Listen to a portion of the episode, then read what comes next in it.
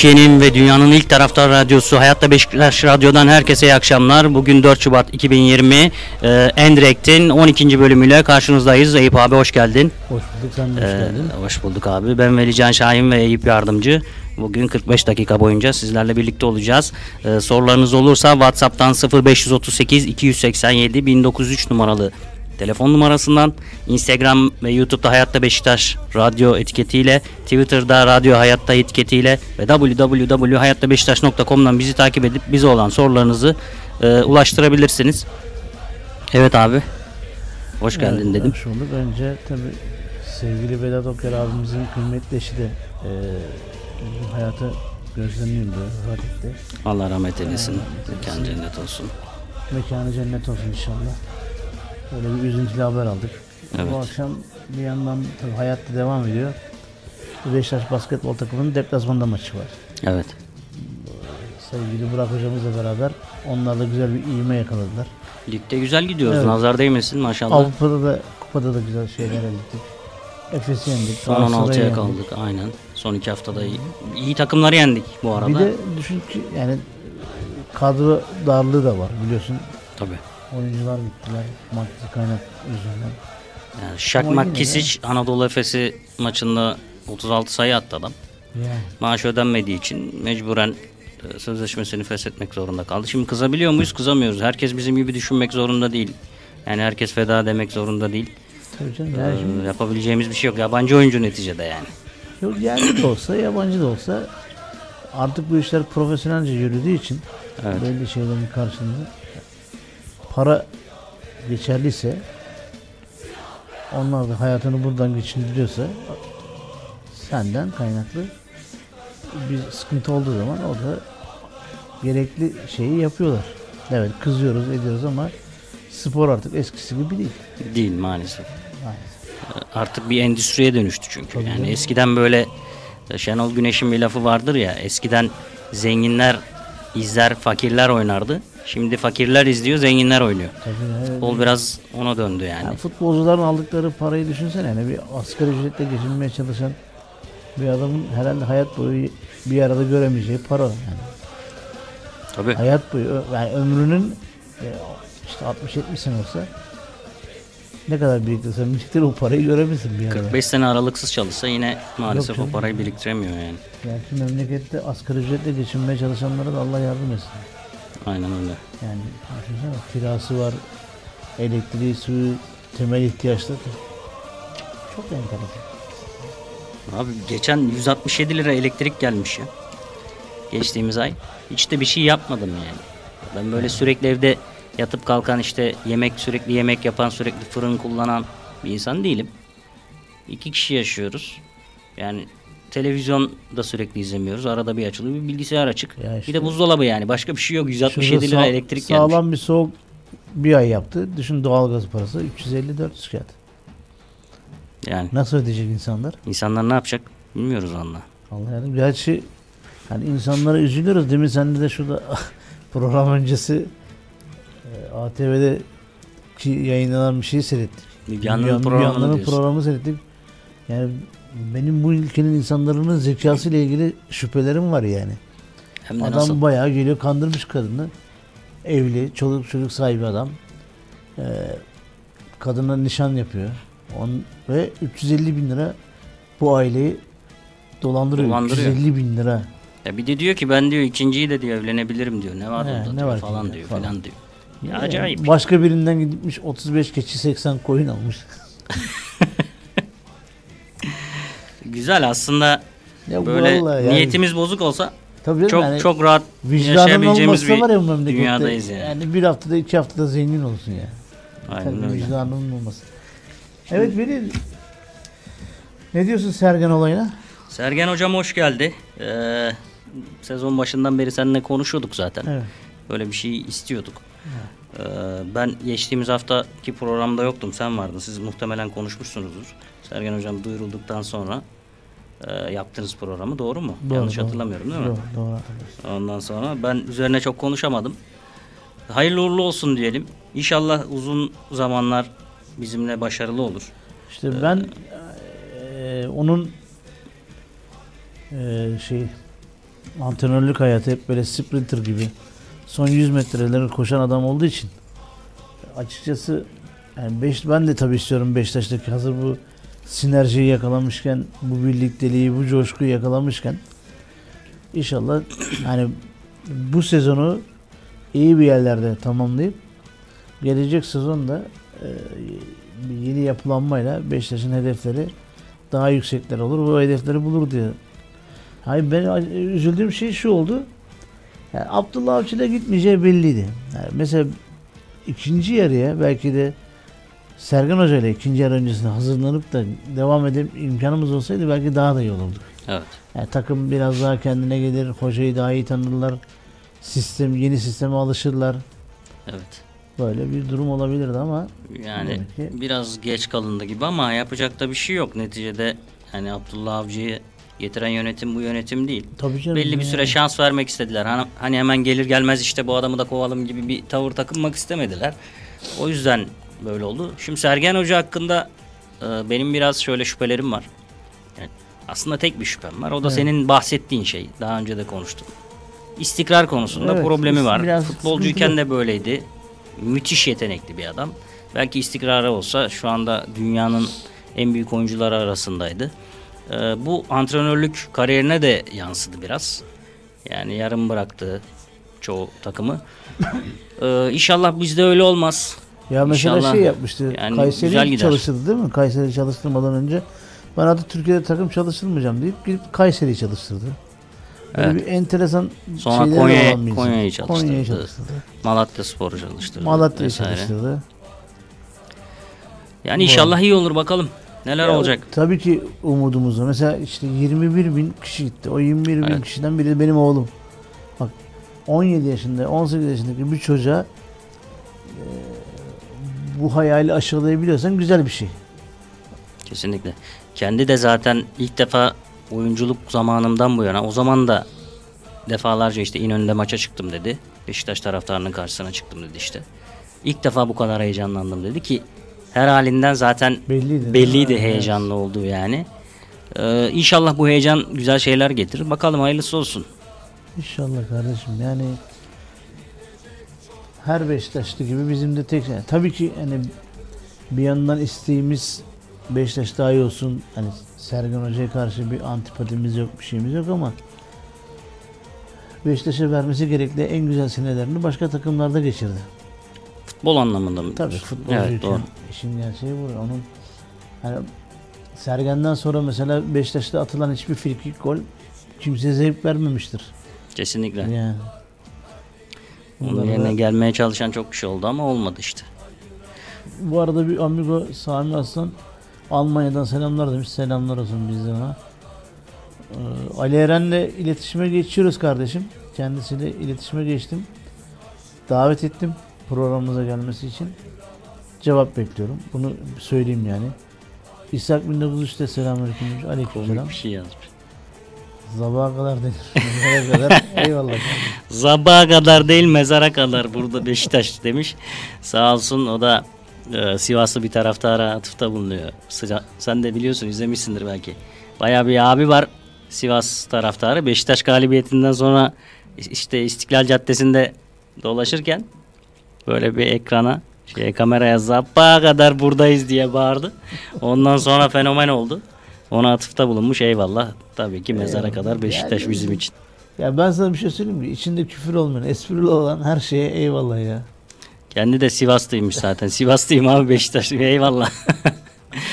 şimdi abi Beşiktaş'a şimdi Sergen geldi dedik. Sergen Hoca'nın e, nasıl bir etkisi olduğu ya da ilk maçtan etkisi belli oldu mu ya da antrenmanlarda falan belli oldu mu? Ne diyorsun bu konuda? Şimdi ben sana şöyle söyleyeyim. Tabii ki belli oldu. Tahminlerimiz e, Abdullah Avcı'nın sisteminde olmayacağıydı. Ama maça çıkarttığı kadro Abdullah Avcı'nın 11'i. Şimdi eldeki malzemeyi Maalesef. e, görüp de hani ona göre oynamak, ona göre belki de gelecek çizmek istedi. Tek farklılığı ne? Mesela Gökhan Gönül ilk defa daha çok ileri çıktı.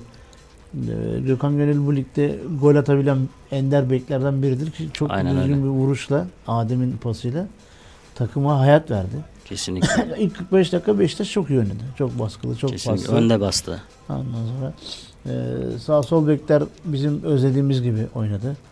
E, Atiba'yla elini böyle ikisini böyle 8 numara oynatır gibi bir pozisyon oldu. Orada birazcık baktık ki verim alamıyor. Çünkü o- ben şeyi tahmin ediyorum. Şimdi yeni gelen Kevin Boa- Boateng, Boateng Evet. sonrası e, sevgili Sergen Yalçın'ın e, Boateng önde Burak arkada 9.5 gibi bir forvet oynayacak. Adem Laiş daha serbest olup daha verimli bir hale gelecek. Ben böyle bir sisteme döneceğine inanıyorum. Yani Adem'in Galatasaray'daki Snyder gibi e, daha aktif, daha çok rol alan, daha serbest rol alan bir adam haline gelecek. Bu belki Adem'e de bir artı kazandıracak. Yani olabilir ama bence e, Burak'ın yerini oynatmaktan ziyade şöyle yapabilir. Sağ içinde de tabii varyasyonları deneyecektir mutlaka da. Mutlaka. E, bir kere Diaby'i kesecek direkt. Bence Boateng'i sağ kanatta başlatacak maç içinde. Boateng'i forvet arkasına alıp yani Laiç'in yerini alıp Laiç'i sola alıp Enkudu'yu sağa alabilir. Maç içinde böyle bir değişiklik yapabilir. Olabilir, evet. Ee, ben öyle düşünüyorum. Bilmiyorum yani daha çok Boateng'i sahada oynatacak ki Adem Laiç Sergen'in kilit adamı olur diye düşünüyorum ki geçtiğimiz maçta da gördük. Öz, sen hep konuşuyorduk hatırlarsan. Bu adamın özgürlüğünü kısıtlıyor avcı diyorduk Evet, değil mi? aynen öyle. Şut atmasını engelliyor. Ara pası ya. atmasını engelliyor. Diyordu ki al topu yanındakine ver. Al topu yanındakine ver. Yani şey gibi bu hani top benden gitsin de Evet. nereye giderse gitsin mantığında oynayan futbolcular vardı. Hani sorumluluk almayan, Aynen öyle. sorumluluktan kaçan. Halbuki hani Adem Laiç öyle, Adem bir, öyle bir adam değil. Ama sen adama illa böyle oynayacaksın, illa böyle oynayacaksın gibi bir havaya getirirsen o da mecburen tabii öyle oynayacak. Sonuçta ne oluyor? Hem kendisi oynadığı oyundan zevk almıyor. Ee, belki oyuna karşı, belki takıma karşı e, bir soğukluk oluşuyor. Kulübe karşı bir soğukluk oluşuyor. Kesinlikle. Bunlar da iyi bir şey değil tabii ki yani. Şimdi bu maçtan sonra bakalım ben hızla performansın yük- yükseleceğini düşünüyorum. Ya de bu hafta bir de Gaziantep oynayacağız. Gaziantep Gaziantep'te Sivas'a Çok tehlikeli bir çok maç. 5 tane gol attı. Aynen abi. 5 Ama bak ben sana bir şey söyleyeyim mi? İçerideyiz ama biz ben de böyle maçlarda korkmuyorum biliyor musun? Yani bak böyle maçlarda Rize maçından korkuyordum. Ki yani bir ara berabere de kalabilirdik. Evet. Yani berabere kalsaydık ikinci hafta yani ondan sonraki hafta mesela Antep maçında kötü bir şey olsa ki Allah korusun istemiyoruz. Bu sefer bir erken bir Sergen Yalçın konuşulacaktı. Anlatabiliyor muyum? Tabii aynen. O yönden bizim Rize'de galip gelmemiz iyi oldu. Şimdi bu İlaç saatten gibi sonra geldi aynen ilaç gibi geldi kesinlikle. Bu saatten sonra artık Sergen Hoca'yı tartışmanın bir anlamı yok. Çünkü elindeki malzeme belli. Bu oyuncuları bu o Ki aldırmadı. malzeme de çok kötü değil. Yani bir kalede. Karius var. Hani bomba yani açıkçası. Yani evet. Rize'de yediği gol yani öyle bir komik o kariyerdeki Liverpool'da falan oynamışsın sen kardeşim böyle bir gol yiyemezsin yani. Hakkın yok böyle bir gol yemeye. Her hafta yiyor artık ya. Alıştırdı o bizi kendine. yani. Ama yani işte Son yıllardaki Beşiktaş kalecilerine bakıyorum. Yabancı kalecilere bakıyorum. Yani bu kadar arasında bir Müre vardı hatırlar mısın? 2000'li Evet, yıllarda. evet. Bir o bu kadar herhalde hatalı gol yiyordu. O da Asper'le değişikli oynuyordu. O zamanki yönetimde ne akla hizmet iki tane yabancı kaleci getirdiyse onu da anlamış değilim. Çok enteresan yani. Zaten 5 tane yaba, ya 5 artı 1'di o zaman tam Evet, hatırlayamadım. İki tanesi sen kaleye vermişsin. Aynen sen iki yabancı kontenjanını Şey kaleye de doldurmuşsun öyle yani anlam, Fabri'nin olduğu dönemde de öyleydi. Bir tane daha bir yabancı vardı. Tolga Fabri. Ha şeyi diyorsun. Neydi o? Ee, tamam. Boyko'yu diyorsun. Boyko. Deniz Boyko. Ukraynalı. Yani evet o da saçma yani. Enteresan. Hadi o zaman Yani o Tolga'nın da alınması ayrı bir şey. Tam Tolga iyi bir Ey. insan. Eyvallah. Ama kardeşim yani takım yukarıdayken o- o- otobüsün bagaj kısmında yatan adamdan ben şüphelenirim ya. ya işte enteresan işler abi. Yani ne bileyim Tolga. Kötü niyetle söylemiyorum ama hakikaten sen tank, takım kaptanısın ya. Evet takım kaptanının ne bileyim takım arkadaşlarıyla birlikte gelip onları motive etmesi falan Tabii gerekir. ya şimdi. Ben şimdi bir şey fark ettim. Sergen Hoca'nın gelmesiyle birlikte. Beşiktaş antrenmanlarıyla ilgili daha önce basında haber yapılmıyordu. Evet. Sergen Hoca geldiğinden bu yana basında haber yapılıyor Beşiktaş antrenmanlarıyla ilgili ve antrenmanda oyuncuların yüzü gülüyor. Bir arkadaşlık var. Yani genelde başarılı olacak takımların kendi içindeki arkadaşlığı, işte birbirlerine olan oyuncuların sevgisi bu bunlar önemli şeylerdir. Evet. Yani feda zamanında bile işte Beşiktaş'ta oyuncuların birbirlerine nasıl kenetlendiklerini biliyoruz yani. Çok iyi arkadaşlıkları vardı.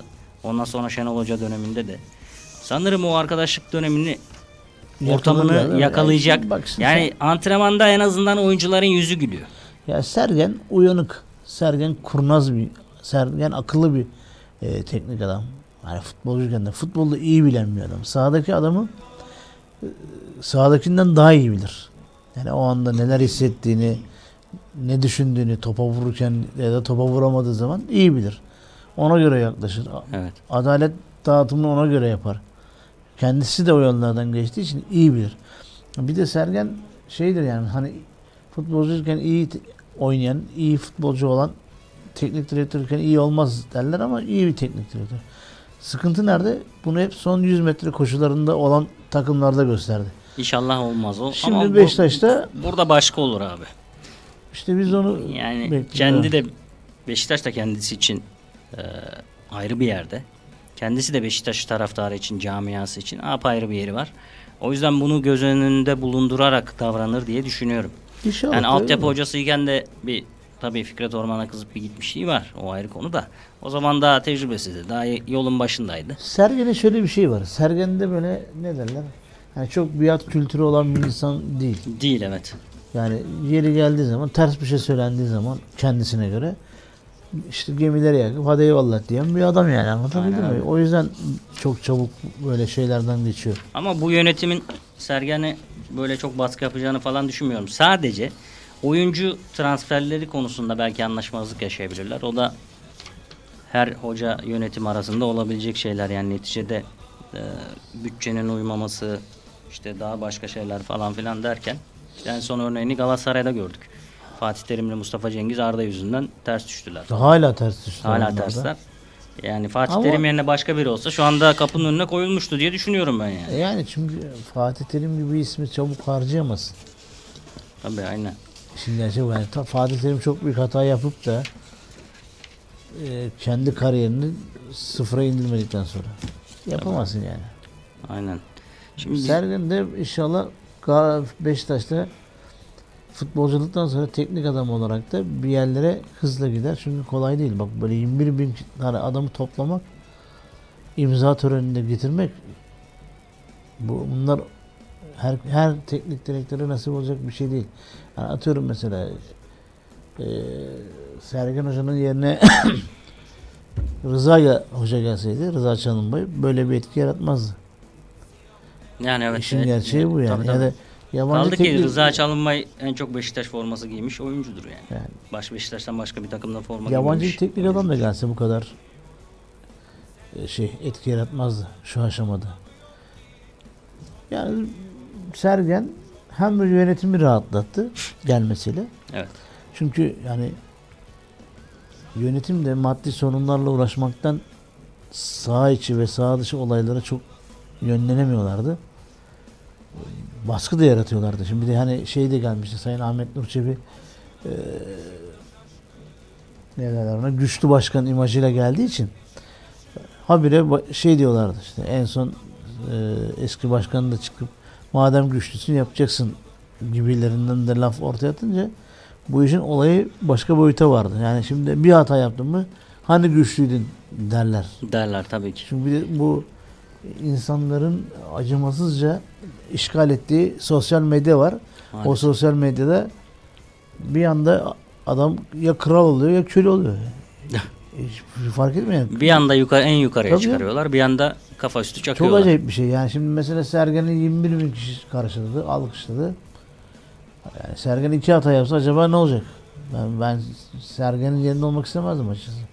Ya da mesela Çok- Ahmet Nur Çebi'nin yerinde de olmak istedim. Çok büyük sorumluluk. İkisi de zor zamanlarda e, ellerini taşın altına koydular. İnşallah Yani güzel şeyler futbolcu yaparlar. olarak geldi 100. yılda şampiyon yaptı. O meşhur hani Sergen adlı şampiyonluk geldi. Aynen. Eyvallah. İnşallah aynı şeyi şimdi de yapar. Bak ben yine ara öncesinde yayın öncesinde konuştuk seninle de. Ben Beşiktaş adına şampiyonluğun kaçtığına inanmıyorum. Şu kural hatası yapılan Göztepe maçıyla ilgili de Şimdi tam ona gelecektim ben de. ondan sonra bir olumlu karar çıkarsa e, çok şey olur. Şimdi onunla ilgili bugün e, kulübümüzden bir açıklama yapılmış. Kısaca okuyayım Tabii müsaade tabii edersen. vallahi iyi olur. Bekle. Süper Lig Cemil Usta sezonunun ilk, ilk haftasından bu yana aleyhimize düzenli bir şekilde gerçekleştirilen muhtelif hakem hatalarının geçen hafta oynadığımız Göztepe karşılaşmasında başka bir boyut kazandığı tüm kamuoyunun takdirindedir. Evet. Beşiktaş Jimnastik Kulübü olarak Merkez Hakem Kurulu'na iletilmek üzere Türkiye Futbol Federasyonu'na yolladığımız itiraz dilekçesinde karşılaşmanın hakemi Hüseyin Göçek'in topu yanlış yerde yanlış takıma vere- vererek oyunun kaderini doğrudan etkilediğini kanıtlarıyla açıkladık. Göçek'in kuralları bilmediği gibi oyuncumuz Atiba Hutchinson'a kendisini kendisine kuralı hatırlatmaya çalıştığı için gösterdiği sarı kartta defalarca şey pardon e, tarafımızca kabul edilemez bir vakadır. İlk yarı bitmek üzereyken verilen kural dışı karar takımımızın kalesinde gol görmesine sebep olmuş ve mücadele açıkça sabote edilmiştir. Biraz daha uzun bir bu kadar daha var. Devam edeyim. Evet. Kariyeri Beşiktaş maçlarındaki şaibeli kararlarla dolu olan bir hakemin üstelik performans olarak düşüşte olduğu bir dönemde hangi sebeplerle üst klasman maçına an- atandığını merak etmekteyiz. Yaşanan hatalara bakıldığında Merkez Hakem Kurulu'nun hakemleri yeteri kadar eğitmeden maçlarımıza atadığı anlaşılmaktadır. Merkez Hakem Kurulu'nun hakemleri sıkı bir eğitim programına alması ligin selameti için son derece elzemdir. Beşiktaş tüm tarihi boyunca karşılaştığı hiçbir haksızlığa boyun eğmemiştir ve bu yaşadıkları sonrasında da yoluna daha güçlü şekilde devam etmiştir. Çünkü çıkarlarını gözeten bazı kesimlerce kuralların dışına taşırılmaya çalışılan bu oyunu biz o kesimlere de kuralına göre oynatacağız. Biraz sert bir açıklama olmuş ki bu yönetim geldiğinden bu yana Ya. en sert açıklama gibi. Aslında çok sert bir açıklama değil. Bak şimdi eee 2003-2004 sezonu Türkiye Ziraat Kupası karşılaşması yani Türkiye Kupa, Kupa maçında eee, Fenerbahçe Rize Spor'la oynuyor. O zamanki adıyla Çaykur Rize. Maç 1-1. Rize Sporlu oyuncuya ikinci sarı karttan kırmızı kartı hakem vermeyi unutuyor. Kural Ali, hatası. Ali Aydın hakem. Kural oyuncu da. Vic, Victoria, Victor- Victoria'ydı Bir galiba. şey evet. Ondan Öyle bir sonra- şey olması lazım evet. E, hakem kural hatası yaptı. Tabii ki işte başvurdu Fenerbahçe. Maç tekrar edildi. 4-1 kazandı. Tekrarlanan maçı. Evet. Şimdi bizim Göztepe'yle oynadığımız maçta şöyle bir şey- durum var. Hani bizi dinleyenleri daha iyi al- algılaması açısından hani niye böyle bu maçın tekrar için koşturulan istek yapılanmasını anlatma adına söylüyorum. Maç 4-1 olur da hani 4-0 yenik durumdasındır anladın mı? Böyle bir hata yani senin maçı çevirmene ya da senin maçı almana etki edecek bir şey değildir. Belki dersin ki yani neyi karıştırıyorsun diyebilirler. Yine kural hatası varsa uygulanır. O ayrı bir konu. Maç 1-1 iken Maç 1-1. oldu. Ee, Tyler Boyd e, kendisi kafasına gelen topla sakat duruma düşüyor. Aynen. Top bizde olması gerekirken hakem topu Hüseyin Göcek Göztepe'lilere veriyor. Göztepe'liler de başlattıkları akımda golü buluyorlar. Evet. Ve maçın kaderi değişiyor. Kesinlikle. Yani şimdi sıkıntı burada. Hani maç 1-1 kural hatası yapıyorsun ve o üstelik o hatadan dolayı da atılan bir gol var ve Beşiktaş yenik duruma düşüyor. Belki topu bize verse biz gol atacağız. Kim bilir gol atmasak bile gol yemezdik belki. Belki de berabere bitecek maç. Belki berabere bitecekti. Belki önümüz ne olacak ha o zaman? baş yani ilerleyen dakikalarda gol atacaktık. Tabii ki et- etkiliyor. Bu yüzden muhtemelen ben şöyle bir karar çıkacağını düşünüyorum. O dakikadan itibaren bir birden e, tekrardan başlayacak diye düşünüyorum. Daha önce Kasımpaşa Beşiktaş maçını hatırlarsın. Evet. Donk Galatasaraylı Donk şimdiki. O zaman da elinde bir top vardı. Nereden bulduysa o topu. Almeida'nın oyun başlamış. Almeida'nın ayağındaki topa topu fırlattı adam. Hakem de hava atışı verdi. Bildiğin serbest vuruş ve Donk'a bir sarı kart göstermesi gerekirken. Yani. Yani bunu e, ben geçmişte hakemlik de yaptım. E, Bunu yani e, aday hakemlere öğretiyorlar daha. Ki sen Süper Lig klasmanında bir hakemsin. Böyle bir kuralı bilmemen imkansız olması lazım. Ya kasıt Bilmiyorum, var Bilmez olurlar mı yani şimdi? yani ya kasıtlı yapıyorlar ya da yani o anda bazı insanların böyle nutku mu tutuluyor denir ya da işte ne bileyim basireti bağlanıyor denir ya. Öyle bir şey oluyor galiba bu adamlara. Bence basireti bağlanmıyor hakemlerin. Açık konuşalım. Mesela hadi bir örnek daha verelim. Ali Palabıyık. İşte Trabzon Fenerbahçe maçını yönetti değil mi? Evet.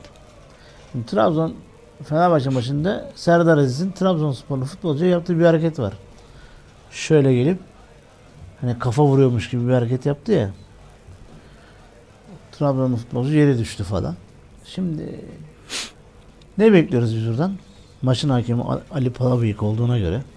Ey Bu ya. Palabıyık eee 2017'deki Ziraat Türkiye Kupası'nda Beşiktaş Fenerbahçe maçında Tos için Van Persie'ye böyle bir duruşu var. Benzer. Sadece Serdar Aziz'in elleri açık. Tos işte eller arkada duruyor. Şöyle. Aynı pozisyon. Yani bir darbe yok, bir şey Tosic yok. hiçbir şey yapmadı. orada. Yapmadı. Şimdi hiçbir şey yapmadığı halde aynı Ali- Palabıyık Tosic'e kırmızı kart veriyor. Serdar Aziz'e bir şey söyledi yok. Aynen öyle. Çok enteresan. Yani Van Persie elini şortunun ön tarafına götürmese o da ceza almayacaktı. Ceza da almayacaktı. Şimdi bir de şöyle bir durum var. Serdar Aziz biraz böyle şey bir oyuncu. Ee, Böyle çaktırmadan faal yapan, sert oynayan Yok bir canım. oyuncu. Bunun daha çok Serdar Aziz var ya açık net her maçını seyret böyle objektif bak. Yani ön yargılı bakma kardeşim. Her maçına bak Serdar Aziz'in. Her maç en az 3 tane sarı kart versin ya. En az 3 tane kart Aynen işte oyuncusuna. oraya getireceğim. Bu adamın özellikle dikkat edilmesi gereken bir adam bu adam.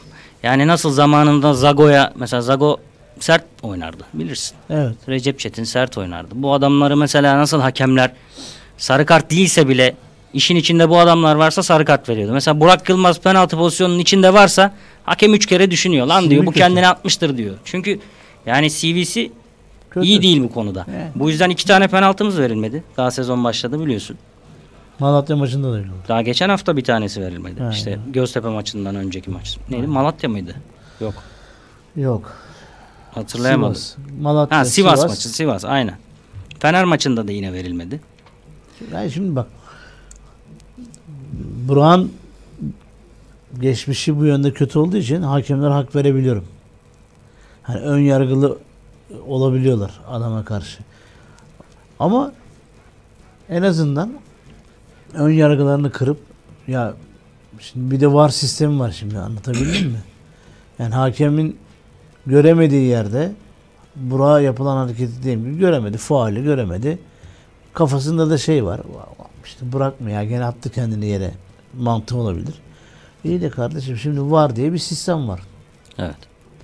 Yani senin göremediğin her şeyi adam 5-6 kameradan görüyor. Seyrediyor. O zaman bu sistem neye, niye var? Yapmayacaksan, yerine getirmeyeceksen bu sistemi kaldıralım. Biz uygulamayalım. Hakemleri de zan altında bırakmayalım. Çünkü şu anda masa başındaki oturan hakem de zan altında, sağdaki de zan altında kalıyor. Ben kime güveneceğim? Tabii. Yani düşünsene yani biz konuyu Beşiktaş açısından ele alıyoruz. Beşiktaş'ın işte belli bir maddi zorlukları var değil mi? Aşmaya çalışıyor bir yandan. Bir yandan hani bu kadroyla ben ne yapabilirim? Sene bu işin senesi var. Onu düşünüyor.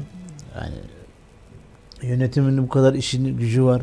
Bu kulübü böyle çevirmeye çalışıyorsun. E, yani başarıyla gelecek bir de maddi gelir de var. İşin gerçeği. Attığın gole para alıyorsun. Galibiyete para alıyorsun. Avrupa'ya katılırsan para alıyorsun.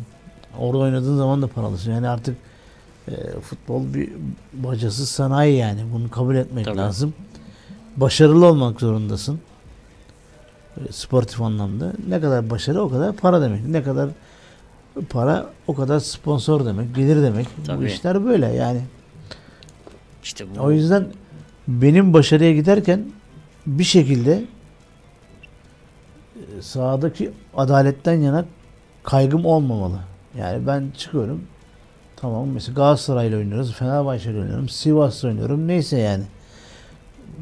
Ya da Anadolu iki takımın iki Anadolu takımın oynadığını düşün. Ya da başka rakipten Kimsenin kafasında ben başarıya giderken beni hakem engeller mi e, duygusu, düşüncesi olmamalı. Eğer böyle bir şey olursa zaten çıkmayalım o sahaya. Ya Ben iki maç böyle hakem benim penaltımı vermesin ya da golümü vermesin bir şey yapsın. Ben üçüncü maça derim ki "Yani niye çıkıyorum ki ben yani? Niye oynuyorum ki ben? Tabii. Değil mi yani? Şey gibi düşün ya. Mesela eskiden reklam ajansları çok büyük paralar kazanan Şirketler. bir şirketti.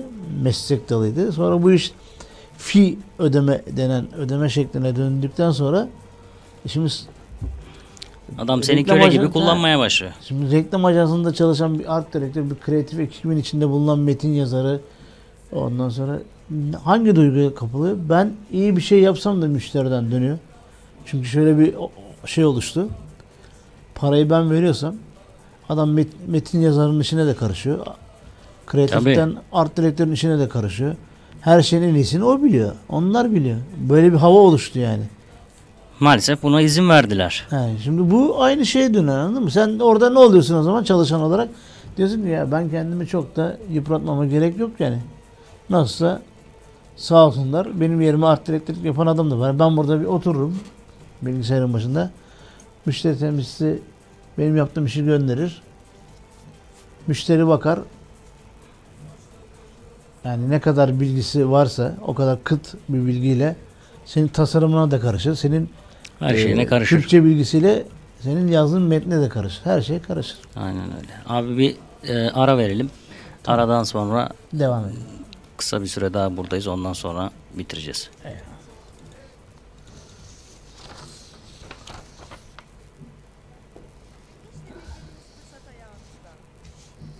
Nefes alın ve arkanıza yaslanın. Masmavi bir denizin yanı başında Türkiye'nin cenneti Urla'da yaşamak sizin elinizde. Güne kuş sesleriyle başlayıp doğanın tazeliğini içinize çekmek istemez misiniz? 4 artı 1, 2 artı 1 taş villalarımız tam size göre. Yeşilin tüm tonlarını seviyor ve ağaçların yaprakları arasında süzülen enfes bir gün batımı eşliğinde bambaşka bir havuz deneyimi yaşamak istiyorsanız işte durmayın haydi hemen bizi arayın. Uygun fiyatlarda olan Urla Bayolu evlerine sizler de sahip olun. İletişim için 0535 321 1903 Haydi bekliyoruz.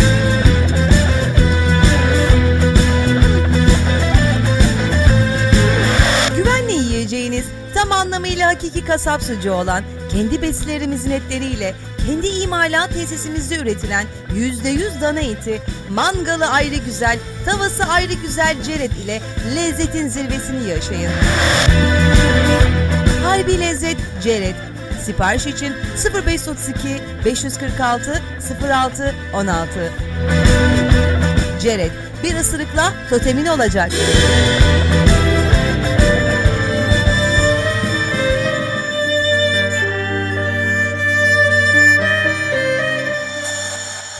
Okulları 21. yüzyılın becerileriyle donatılmış, bireysel farklılıkların farkında, özgüveni yüksek, alanında lider, çağın gerekliliklerine uygun bireyler yetiştiriyor.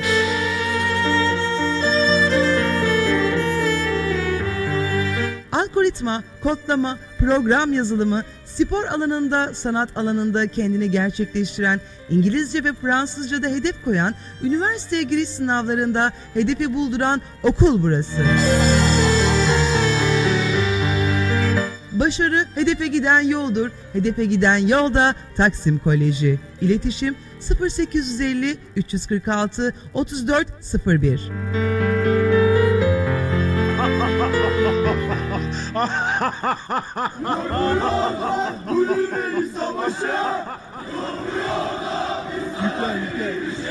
Hani bizler memleket olmuşuz da Hani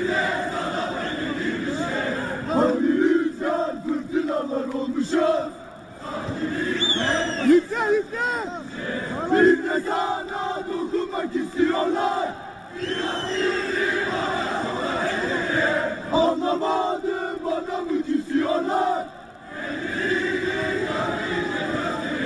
Of alıyor bütün o hücreleri Yeni geldi ateş oldu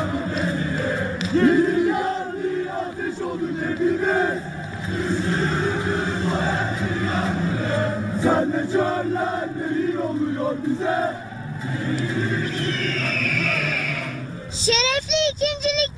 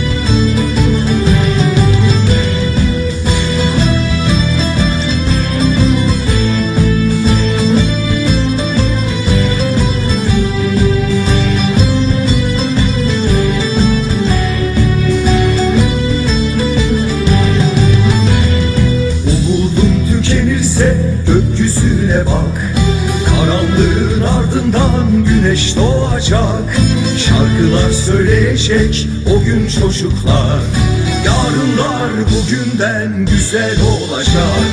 Umudun tükenirse gökyüzüne bak. Karanlığın ardından güneş doğacak. Şarkılar söyleyecek o gün çocuklar. Yarınlar bugünden güzel olacak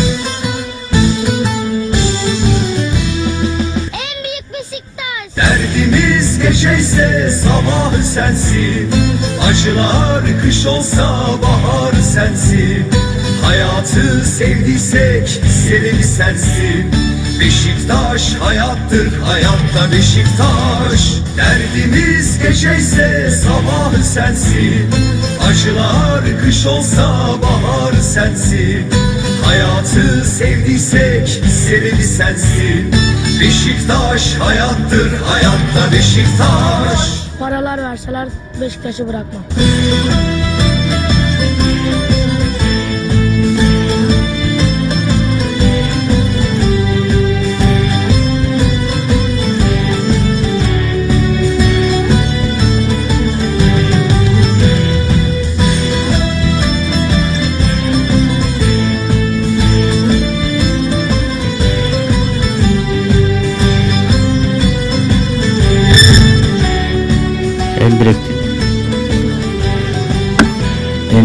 İkinci bölümüyle devam ediyoruz. Evet abi.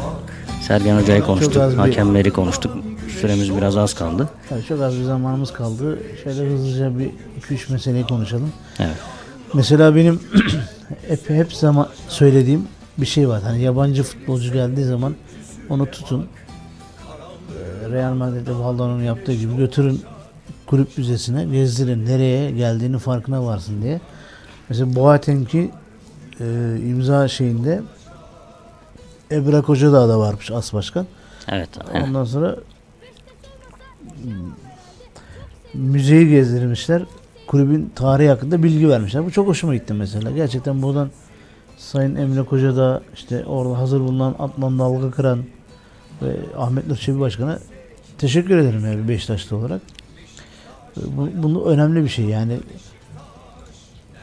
Boateng yarın sahaya çıktığı zaman taraftarın eee, nasıl bir aidiyet duygusuyla takımına bağlı olduğunu anlaması açısından çok önemli bir şey. Aynen öyle. Ee, Bir de bunu biz 100 küsur senelik kulübüz kardeşim. Öyle yani kurulmuş bir kulüp değiliz yani birilerinin Yani- desteğiyle. geç bile kalınmış bir şey yani bu yapılan. Şimdi bir de şöyle bir durum var. Boateng biraz böyle o da CV'si sıkıntılı oyunculardan. yani şey açısından hani Balotelli gibi değil. Değil ama, o da istikrar problemi olan oyunculardan. İyi takımlarda oynamış fakat dikiş tutturamamış bir oyuncu. Yalnız bir şey var. Boateng'in ben bir şeyini okudum kardeşim. Hı hı. Senin haberin oldu mu bilmiyorum ama bu Fenerbahçe'den Emre Trabzon maçında gene böyle bir ırkçı söylemde bulundu ya. Her zamanki gibi Her zaman gibi. muhteşem haline ahlakı ve karakteriyle devam ediyor. Evet. Ondan sonra Harika bir oyuncu. Onu örnek alan oyuncular varmış? Birleşmiş Milletler'in ırkçılık karşıtı büyükelçisiymiş Boateng. Oo. Ve yani bu davada o bir ülkenin yanında olduğunu bildirmiş. Bu önemli bir şey yani. Bir de böyle bir karakteri olan bir futbolcu. Ben zannediyorum Bu ki iyi bir şey. e, bizimle daha çok özdeşecek. Takım taraftar bunda daha çok bütünleşecek. Biliyorsun biz de zamanında ırkçılık karşıtı parçalı forma yapmıştık. Evet. Ve bileklik satmıştık yani siyah beyaz bileklikler aslında ırkçılık karşıtı bilekliklerdi. Ve e, ortadan ikiye bir tarafı siyah bir tarafı beyaz olan formamız vardı böyle Delgado'nun işte e, İbrahim Toraman'ın falan reklamı. Ja- Tigana dönemi. Evet, Tigana. Tigana döneminde giydiğimiz aynen Kola Turka reklamlı formalar. E, o formalar da işte ırkçılık karşıtı bir kampanyanın bir parçasıydı. Bu şimdi e, bir ırkçılıkla ilgili sporun içindeki araştırma yapıldığında en çok ırkçılık konusu işte o takımın yani yabancı takımlar Avrupa'da genelde olduğu zaman mesela İslamofobi diyen denilen bir şey var ya İslam Evet. karşıtı. Ona karşı yapılıyor. Zencilere renklerinden dolayı daha çok yapılıyor. Mesela şeyi de biliyorsun Mesut Özil sadece Cumhurbaşkanı ile İlkay'a da ikisiyle. İlkay'a da birlikte. İlkay Mesut kadar çok aradan sanki sıyrıldı gibiydi. Bütün şeyler Mesut'un Yok, İlkay'a da bayağı yaptılar Yok ya. Eyvallah ona da ettim. tepki verdiler de. Yani kardeşim bu adam Alman vatandaşı olabilir ama Türk yani. Türkiye Cumhurbaşkanı Tabii tabii canım, görecek. ya. Sen kimsin? Ya işte f- Avrupalılar böyle hep e, modern olduklarını, çağdaş olduklarını Ben falan yok. bahsediyorlar da Çok e, şu anda en o çok modern Avrupa'ya tuvaleti biz öğrettik ya. Ya, Yoksa o- affedersin evin içine sıçıyorlardı yani. Hadi çok eski konular aynen dediğin doğru da Bu kadar- şu anki günümüze baktığın zamanda bile ya. yani ırkçılık konusunda zirve yapmış ülkeler. Her sene, her sezon, her dönem işte şu futbolcuya ırkçılık, bu futbolcuya ırkçılık sürekli duyuyoruz bunları yani. Avrupa İngiltere'de de devam. İngiltere'de milyon dolarlar dönen bir ligi var. Ondan sonra İtalya'da öyle, İspanya'da öyle, Almanya'da öyle. Sürekli böyle. Türkiye'de ırkçılık çok nadir olur. Onu da Emre İtalya'da Belözoğlu yapar. Neonazi e, kökenli 2-3 tane kulüp var mesela. Onları anlıyorum. Zaten genelde sıkıntı o takımların taraftarlarından çıkıyor. Ben biz mesela bizde böyle bir şey yok. Ha, bizim içimizde de belki aşırı milliyetçi taraftar da var. Çok Vardır. dindar da var. Var. Ama biz hiçbir zaman bu, bu yolları gitmiyoruz. Aynen öyle. Bizde giden Türkiye genelinde ismi en öne çıkan şu işte Emre'nin var böyle bir durumu. Bir de Zokora yapmıştı zamanında hatırlıyorsun. Hatta tekme falan atmıştı. Yine o, o maçlardan da sıyırmıştı. Aynen yani bunda da sıyırır. Fenerbahçe e, niyeyse Şimdi- böyle durumlardan çok iyi sıyırıyor. İşte biliyorsun bizim bu Türkiye Kupası'nda Şenol Hoca'nın kafasını yardığı maçta işin içine Cumhurbaşkanı girdi. Cumhurbaşkanı işte bu olayı araştıracağız falan dedi. Ne oldu abi?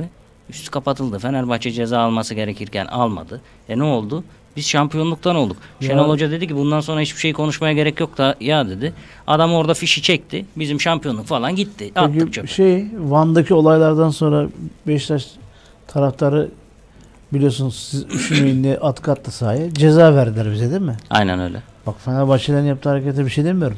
Yani bizden ne kadar kopya da yapsalar. Her zamanki gibi. Ta- takdir eyvallah yaptılar. Ama eğer bana ceza veriyorsan kardeşim Ona da vereceksin. ona da vereceksin. Ya da hiç vermeyeceksin. Ya abi ben şunu şimdi bu çifte standardı anlamıyorum. Abi şu Caner'e verdiniz yani hakeme küfür etti diye. Tamam haklısınız. Hakeme küfür etti. Herkes de bunu gördü ağzını okudu. Ya bunu Emre her maç yapıyor ya. Ya daha son maçta yaptı. Hakem sarı kart gösterdikten sonra arkasını döndü, sövdü.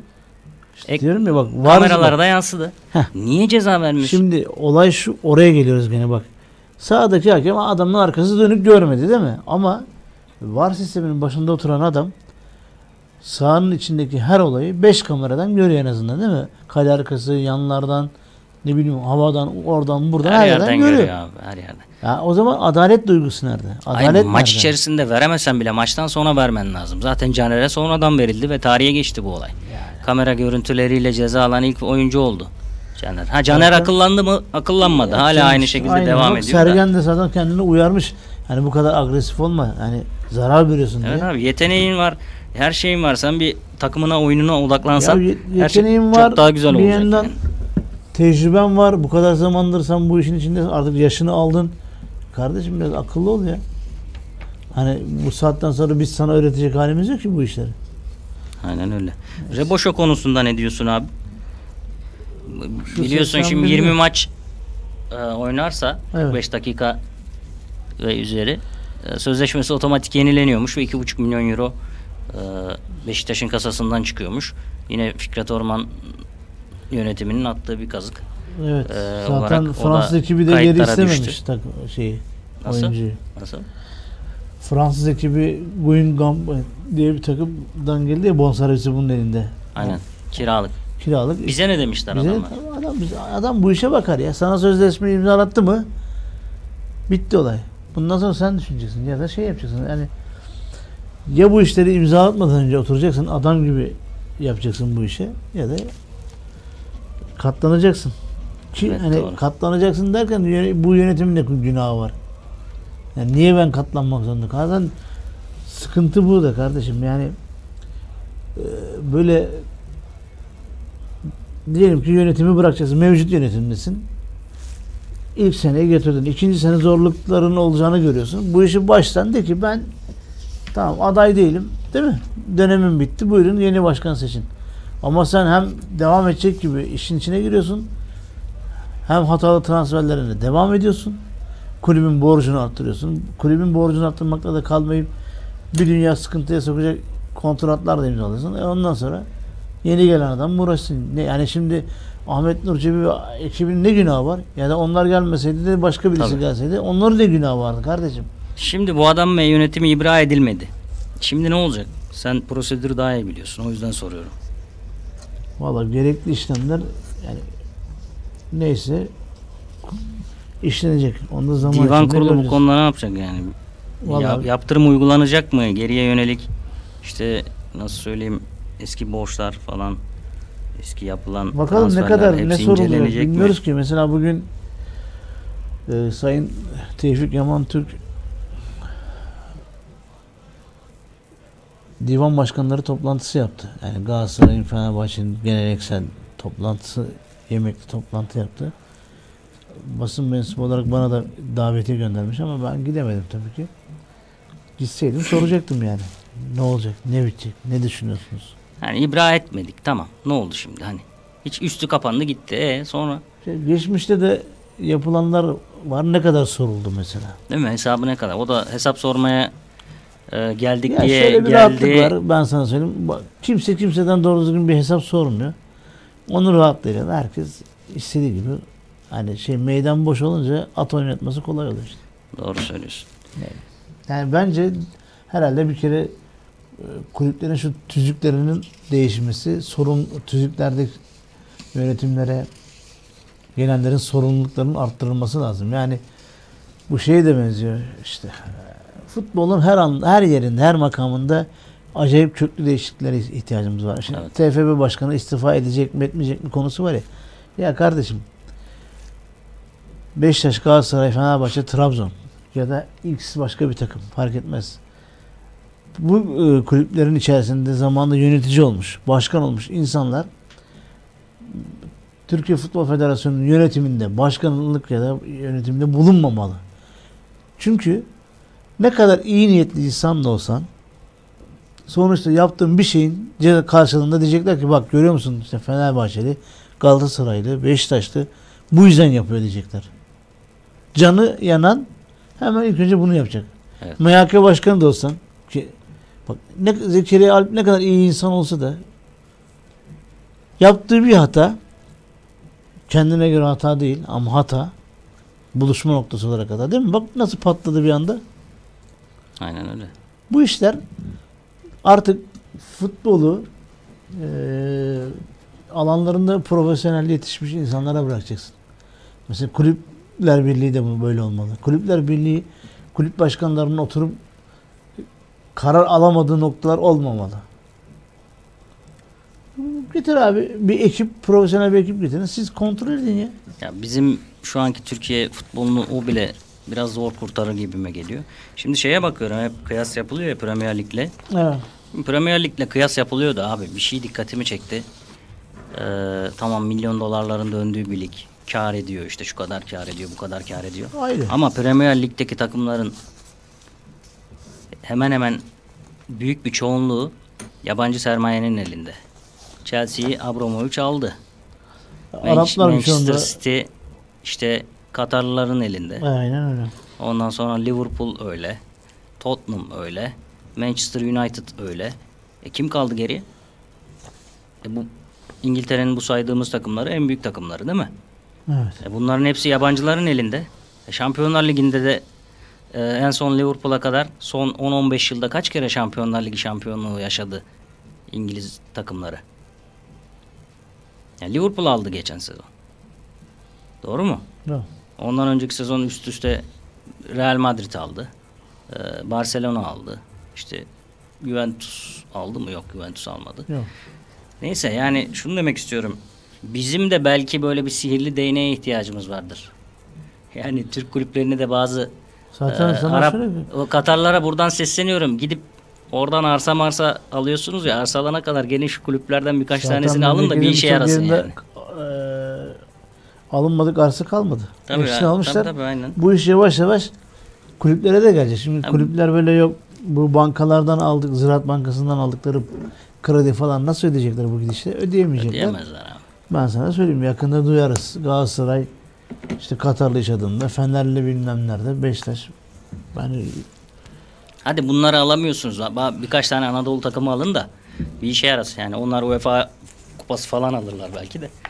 Neyse lafımızı, Başarı sağlanır yani. programımızı Beşiktaş'ın kaleye Bruno Varela'yı transfer etmeyi düşündüğü haberiyle sonlandıralım kardeşim.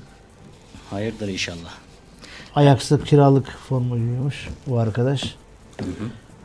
Çünkü Karius da sağ olsun artık nekahat döneminde aşırı rahat geçirdiği için Beşiktaş'ta Aynen. bu işin sonu yok yani. Kusura bakmasın. Ben şöyle düşünüyorum. Eğer ki iyi bir kaleciyi uygun fiyata zaten zor alırız şu ekonomik şartlarda da. Yerli bir kaleciyle sanki devam edilecek gibi diye Kim düşünüyorum. Yani Gökhan Akkan diyorlar. Çaykur Rize'nin işte son maçtaki kaleci. Ee, onun dışında Erce kardeşleri söylediler bir ara. Ee, bir Malatya Spor'un kalecisi vardı adını hatırlayamadım da. Onu geçen sezon başında istemişlerdi. Ya şöyle Karius'a yedek söyleyeyim. Hani senin diye. Avrupa'daki düşüncen varsa Avrupa'da bu kalecilerle ne yapabilirsin? Ya bilmiyorum şimdi ben Türkiye şöyle bir geçmişe doğru da bakıyorum. Türkiye'de yani milli takım bazında da kaleci konusunda sıkıntı yaşamadık. Türkiye'de iyi kaleciler yetişiyor. Şu anda işte Uğurcan'a bakıyorsun, Altay'a bakıyorsun falan. Bunlar iyi kaleciler aslında. Ama bizde şans yok. Galatasaray'da yabancı kaleci konusunda çok şanslı. Bir yabancı kaleci getiriyorlar. yıllar yıllar- Acayip şanslı. Yani Yani Tafarel, tut da Mondragon, Simovic da aynen öyle. Tafarel'den tut. Uzun süreli bak. Galatasaray kalede bir sağlam elemanı buldu mu değiştirmiyor. Aynen öyle. Biz Fabri'yi buluyoruz. Niye Satıyoruz. kardeşim? Başka birini buluyoruz. Satıyoruz yani. Neyse. Bu Her arada bizi uzaklardan dinleyen e, Mehmet Ali kardeşim Aydın'dan Söke'den ona selamlar söylüyorum. E, Çanakkale'den de Erdi kardeşim dinliyormuş. Ona da selamlar olsun. Oh maşallah. O da Fenerbahçe. İkisi de Fenerbahçeli bu arada. Fenerbahçe ile ilgili attık tuttuk. Onlar da kusurumuza bakmasınlar. Yani çok kötü bir şey, ağır bir şey söylemedik ki yani ırkçılık yapan Emre'yi söyledik. Yani Aynen, onlar da aynen rahatsızdır öyle. bizim kadar. Tabii tabii. Aynen öyle. Bizi dinlediğiniz için teşekkür ederiz. Evet, Endirekt sona erdi yine. Haftaya e, 8'de yine salı günü buluşmak üzere. Hepinize Almanya'dan kardeşimize söyleyelim eğer Ali Eren cevap verirse programımıza konuk edeceğiz. Aynen. Bir daha söyledik. Ali Eren Beşerler'le inşallah önümüzdeki haftalarda program yapmayı düşünüyoruz. Herkese iyi akşamlar. Beşiktaşsız kalmayın. Hayatta Beşiktaş Radyo'dan e, selamlar.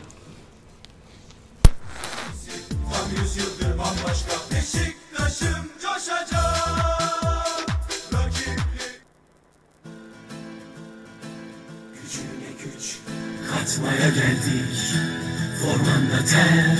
Olmaya geldik Beşiktaş seninle ölmeye geldik Beşiktaş